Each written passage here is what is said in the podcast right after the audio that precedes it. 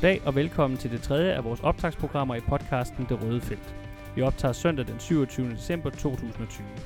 Vi varmer op til cykelsæsonen 2021 med en gennemgang af hvert af de 19 World Tour hold, hvor vi kort runder, hvordan det gik for holdet i 2020, hvilke markante til- og afgange der er at bemærke på holdkortet, og giver et bud på, hvordan det kommer til at gå holdet i 2021 i etabeløb og endagsløb. Du finder os alle de sædvanlige steder, hvor du normalt finder dine podcasts, det vil sige Spotify, iTunes, SoundCloud, Stitcher og diverse podcast-apps til Android. Mit navn er Peter Kromand, og med mig i studiet har jeg Miriam Brams. Vi gennemgår holdene i den rækkefølge, som vi tror, de ender på UCI's verdensrangliste. Vi tager det dårligste hold først og bevæger os opad, og i dag er vi så kommet til det hold, vi tror ender på den tredje dårligste placering på ranglisten af de 19 World Tour hold. Og det er det første franske indslag på World Touren, vi gennemgår. Det er nemlig Kofidi, eller Kofidis, som nogle danskere ynder at kalde dette hold. Miriam, hvorfor ender Kofidi, hvor de gør på verdensranglisten? Man kan sige, at egentlig så giver vi dem jo bare den samme placering, som de endte på sidste år, nemlig som det tredje dårligste World Tour hold. Og det gør vi, fordi at altså på den ene side kan det sagtens tænkes, at flere af deres ryttere, for eksempel sprinteren Viviani og den semihurtige Christophe Laporte, får bedre sæsoner, øh, end de havde sidste år.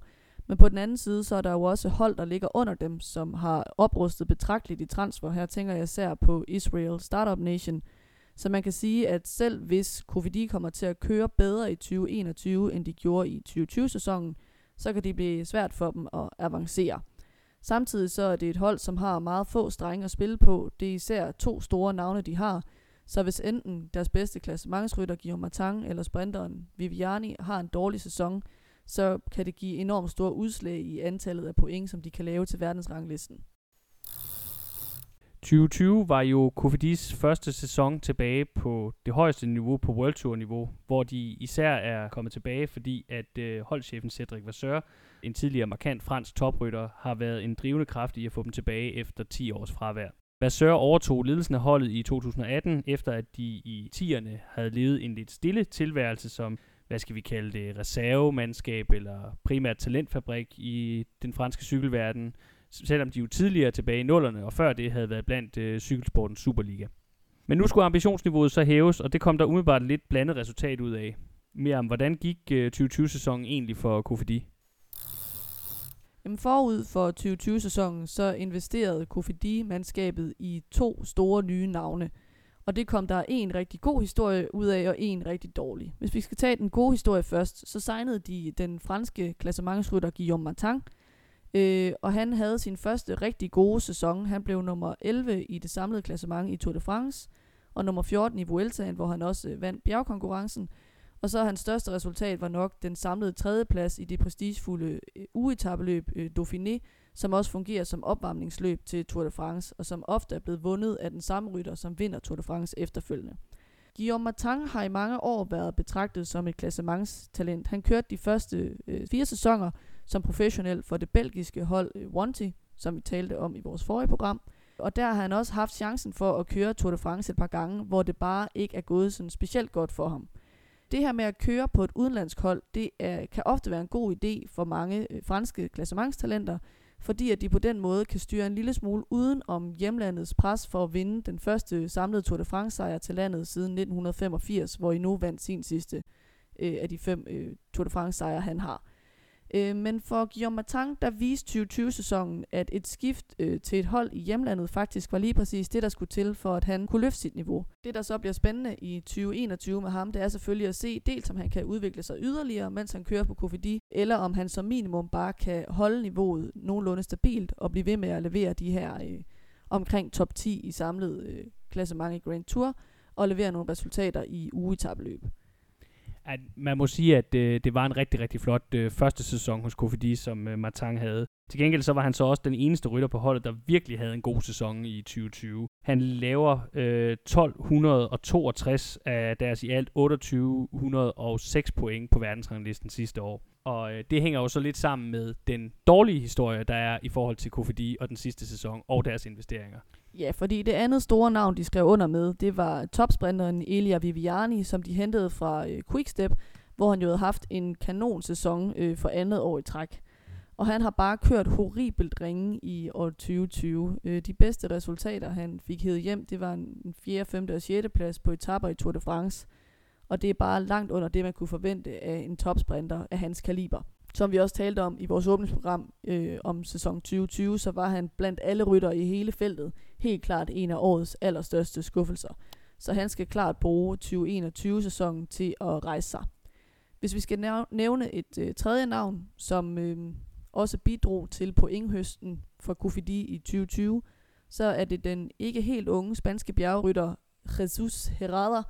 Øh, han har i mange år kørt som hjælperytter på øh, World Tour-holdet Movistar, og han havde så en hederlig sæson, hvor han jagtede egne resultater, og det øh, resulterede så i sekundære placeringer i store endagsløb. For eksempel blev han nummer 15 både i monumentet Lombardiet rundt, og i klassikeren Flesh Vallon, som slutter op af muren i Huy. Og så fik han faktisk også en anden plads og en femte plads med hjem fra etapper i Tour de France, som også har bidraget med lidt til øh, Cofidis pointhøst til verdensranglisten. Hvis vi kigger på Cofidis øh, ageren på transfermarkedet her i øh, sæsonpausen, øh, så er der jo ikke tale om de store investeringer, slet ikke sammenlignet med sidste år. Hvad er der sket hos dem øh, på transfermarkedet? Og man kan sige, først og fremmest, så tror jeg, at selve det her, at de ikke er ude at lave store investeringer, det nok udover selvfølgelig coronakrisen og de lidt strammere budgetter, især hænger sammen med, at, at nøglen øh, til succes for Kofidi, det ikke er at hente nye navne ind, det er at få de navne, de allerede har hentet ind til at fungere, øh, fordi de i forvejen har mange penge bundet i, især Viviani, så for dem så handler det mere om at få ham til at præstere optimalt, end det handler om at, at trække nye kræfter ind. Øhm, der er lidt forstærkning til deres øh, klassikertrup i form af JMP Drucker. Fælles for dem er nok, at de har deres bedste sæsoner bag sig. De er ikke helt unge, og i virkeligheden så mangler de også øh, resultater på højeste niveau. Men om ikke andet, så kan de gå ind i en, en god øh, opbakkende hjælperrolle i klassikertruppen. Så har de også skrevet med det lidt uforløste talent øh, Schweizeren Tom Boli, som primært har sin force på prologer og enkeltstarter, som måske kan, kan levere nogle resultater i mindre etabeløb. Ja, men det er jo ikke kun øh, uforløste tidligere talenter, som de har skrevet med. Der er også et par nye, spændende unge talenter blandt øh, tilføjelserne. Ja, og øh, de tre mest spændende, det er nok Remy Rojas, André Carvalho og Thomas Champion sidstnævnte, må man sige, har et navn, der virkelig forpligter på at levere nogle resultater. Ja, der må være nogle sejre i det navn, ikke også? øh, Rokas, han har vist en lille smule i 2020 i det lille rumænske etabløb uh, Sibiu Tour, hvor han blev nummer 4 samlet. Øhm, så for ham handler det nok om at prøve at fortsætte de gode takter og se, om han kan, kan levere nogle små resultater i, uh, i de mindste af de professionelle etabeløb. Øhm, så er der ham her, øh, portugiseren, mener han er, André Cavalho, som de henter fra det talentudviklingshold, der hedder Hagens Beman Action. Og det er altid, synes jeg, interessant at se, hvordan det går for de unge ryttere, der kommer ud fra Axel Mærks talentfabrik. Han har det her øh, hold i USA, som udvikler talenter både fra USA selvfølgelig, men også fra rigtig mange europæiske lande, hvor de simpelthen rejser derover og tager nogle år der, øh, fordi at det til synligheden bare er et sted, hvor der virkelig er, er plads til, at man kan udvikle sig i et godt tempo. Som ung talent for eksempel, så har Mikkel Bjerg jo, den danske rytter, kørt på det hold, inden han blev professionel på UAE sidste år, hvor han gjorde det rigtig flot. Jesper Philipsen har også øh, en fortid på Higgins Berman Action, så det er, ikke, øh, det er ikke et tilfælde, at det bliver fremhævet som en virkelig, virkelig øh, kompetent talentfabrik. Sidste år for Carvalho bød ikke på de helt store resultater, men i 2019 der blev han nummer 5 i U23-udgaverne af Paris-Roubaix og Liège. Så det kunne jo tyde på, at han har en fremtid i, i endagsløbende, men han er selvfølgelig stadig alt for ung til, at man ligesom kan sige, at han har specialiseret sig, så vi ved, hvad det er for en type løb, han skal shine i. Det sidste talent, Champion, han har heller ikke vist så meget endnu, men lavede dog en top 5 og en top 10 i klassementet i nogle mindre etabeløb på det niveau, der er lige under de professionelle niveauer. Øhm, så fra ham kan man nok også forvente, at han skal ud og prøve sig af i nogle mindre etabeløb, ligesom, øh, ligesom Rokas skal. Hvis vi skal kigge lidt kort på, hvem de så mister, så øh, er det primært øh, ryttere, som vel kan betragtes som gode arbejdsheste, altså øh, hårdt arbejdende hjælperyttere, som øh, kan spille en rolle i at øh, Øh, lægge fundamentet for at skabe resultater, men ikke øh, i sig selv køre særlig meget hjem. Det drejer sig om ryttere som Dimitri Kleis, Damian Toussaint, Julian Famote, Cyril Lemoine og øh, Letunier. Og så skal vi jo selvfølgelig også lige igen nævne, at øh, dansk Jesper Hansen er fortid på holdet. For et fransk hold vil Tour de France naturligvis altid have en særlig plads i sæsonprogrammet, når vi snakker etabeløb. Og øh, der er ikke nogen tvivl om, at Guillaume Martins øjne igen vil være rettet mod de tre ugers rundtur i Frankrig til juli. Men spørgsmålet er egentlig, om det samlede klassement i Tour de France er det mest optimale sæsonmål for ham. Ja, fordi altså, vi så jo i hvert fald med hans øh, flotte tredjeplads i Dauphiné, at han godt kan lave resultater i ugetabeløbene. Øh, og så samtidig må man sige, at i Tour de France, der var det som om, at gassen gik lidt af ballonen for ham, især i den tredje uge, hvor han ellers havde ligget flot til øh, indledningsvis. Øh, og han vil også altid have en stor udfordring i sin enkeltstart, som er, er cirka lige så ringe som alle andre franske klassementsrytters. Så altså, man kunne da håbe, synes jeg, at han som minimum vil prøve at kombinere en Tour de France med nogle andre ugetabeløb, for eksempel Paris-Nice, som ligger rimelig tidligt i sæsonen, også at gøre det godt igen i Dauphiné, selvom det for nogle rytter kan være svært både at top der, og så også kunne holde formen i Tour de France. Øh, men man kunne jo så håbe, at, øh, at hvis det rimelig hurtigt står klart, at han ikke øh, kan køre en top 10 hjem i turen, at han så vil omlægge undervejs i løbet til at prøve at køre efter bjergtrøjen eller nogle øh, etappesejre, fordi det vil jo også være et stort resultat for et hold som Kofidi, og der vil det nok i virkeligheden være lettere for en rytter som Guillaume Martin virkelig at shine det er, det er utroligt, hvad de laver, når de arbejder med enkeltstart i, i, i, de, i de franske junior- og, og ynglingeårgange. Altså, det er jo, det er jo notorisk, at øh, deres øh, store klassementsnavne har svært ved at gøre sig i tidskørsler. Ja, og jeg tror også, det i virkeligheden handler om et, et mangel på fokus øh, på, på de store hold, fordi jeg synes, for et par år siden det kom frem, efter at Bardet igen havde kørt en elendig enkeltstart i Tour de France, i de år, hvor han lå til i klassementet, at han havde faktisk ikke rigtig set sin enkeltstartcykel, før den ankom til turen, fordi han gad ikke rigtig træne på den. Han var ikke vild med at køre enkeltstart, så det vil han helst gøre sig så lidt i som muligt. Og det er jo også den helt forkerte tilgang at have til tidskørsler, hvis man ved, at det er ens akilleshæl. Ja, så må de øh, gå efter resultater i sådan en ugetabløb som Katalonien rundt, der jo blandt andet er kendt for, at der næsten aldrig er en tidskørsel med. Så det er virkelig et løb til, til bjergrige, eller bjergstærke ryttere, som for eksempel Matang. Men øh, hvis vi skal kigge øh, i en lidt anden retning, så må vi jo sige, at en stor satsning, det må, må fortsat være at skulle gå efter sprinteretapper og øh, sejre til Viviani på den front. Ja, og der vil jeg sige, at det helt store mål for dem i forhold til Viviani, det må jo være, altså først og fremmest at få genrejst både hans form og hans selvtillid. Der er næsten ikke noget værre for en sprinter end at lide af manglende selvtillid, fordi hvis de ikke tror på, at de kan vinde, så gør de det i hvert fald helt sikkert heller ikke. Det andet, de skal have styr på, som er sådan lidt mere mekanisk, det er deres sprintertog. Altså hvis der er noget quickstep, som Viviani jo kørte til en to bedste sæsoner for, er kendt for, så er det at være virkelig gode til at levere deres sprinter. Blandt andet så er Mørkøv jo kendt for at være en af de bedste lead mænd lige nu i det professionelle felt, den danske rytter. Øh, der skal Kofidi have styr på at få leveret ham ordentligt. Og det er jo noget af det, man kan håbe, at de rent faktisk får arbejdet med, med her hen over øh, vinteren. Ja, og så kan man jo øh, håbe på, at øh, der er så meget overskud til den kommende sæson, at selvom at øh, Viviani selvfølgelig skal med til turen, som igen er det vigtigste mål for sæsonen for Kofidi som fransk hold, så kunne det være, at de også kunne tage ham med til Gion, hvor han så måske kan stå af undervejs, men hvor han så også får mulighed for at vise sig frem på hjemmebane. Det kunne også være en måde at tanke selvtillid op på, inden at han skal til Tour de France og køre mod alle de bedste sprinter. Hvis vi skal kigge lidt ud over de to største profiler, for der er jo andre ryttere på Kofidi, der trods alt har en chance for at gøre sig. Hvem er det så, resultaterne skal komme fra? Jamen, jeg synes, øh, der er i hvert fald to oplagte bud. Den ene, det er øh, den italienske rytter Consoni, som øh, i 2020 har fungeret som del af Vivianis tog, øh, som så ikke har fungeret særlig godt, men som helt klart også øh, kan køre sin egen chance på hårde dage, og vi har også set ham levere en række sekundære placeringer på, på sprinteretapper i ugetabeløb og i Grand Tours, øh, inden at Viviani blev hans kaptajn på Kofidi i 2020, øh, som er den sæson, hvor de begge to er, er kommet til holdet.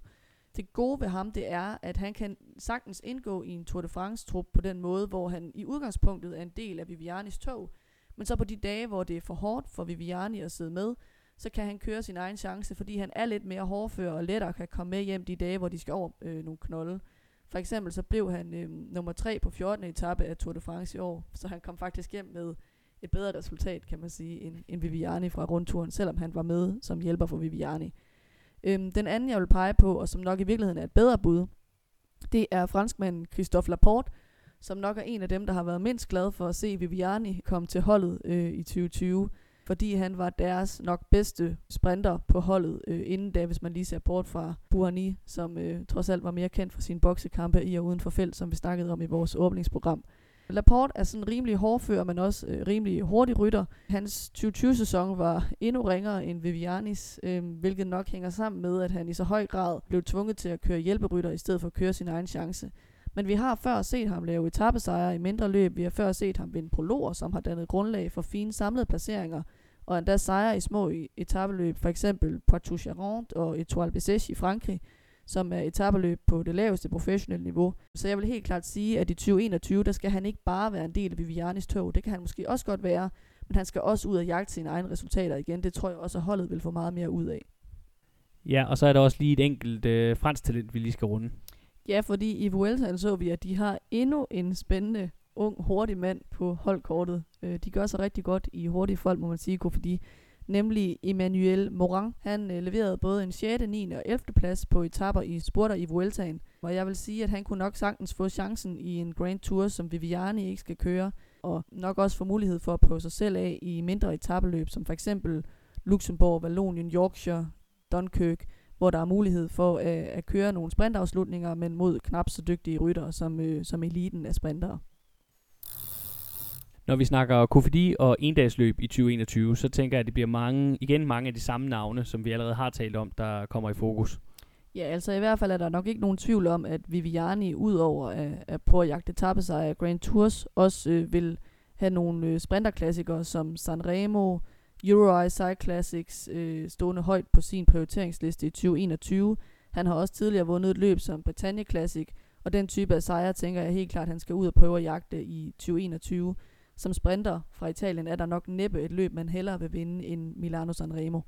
Nej, og Viviani, han er jo også kendt for at være lidt mere hårdfør end, en, måske en, en, for eksempel en type som øh, Sam Bennett eller Pascal Ackermann, hvis vi skal nævne nogle af de virkelig tunge sprinter. Så det kan jo godt lade sig gøre for ham også at være, gøre sig i Sanremo, som jo netop kræver noget udholdenhed, fordi det er så langt. Jeg tænker, jeg godt lige vil snakke lidt om Guillaume Matang her, fordi øh, han er nok deres bedste bud, både i Ardennerne og også i de mere bjergrige endagsløb, som for eksempel Lombardiet rundt og de andre italienske endagsklassikere. Øh, og der kan man faktisk se, at det ikke kun var øh, Grand Tours øh, ugelange etabeløb, han forbedrede sig i sidste år, fordi han øh, viste også nogle nye evner som endagsrytter. Han kørte i top 15 i både VM og i Liège, og det kan sagtens tænkes, at det er noget, han vil prøve at udvikle mere på og gøre sig mere i i 2021.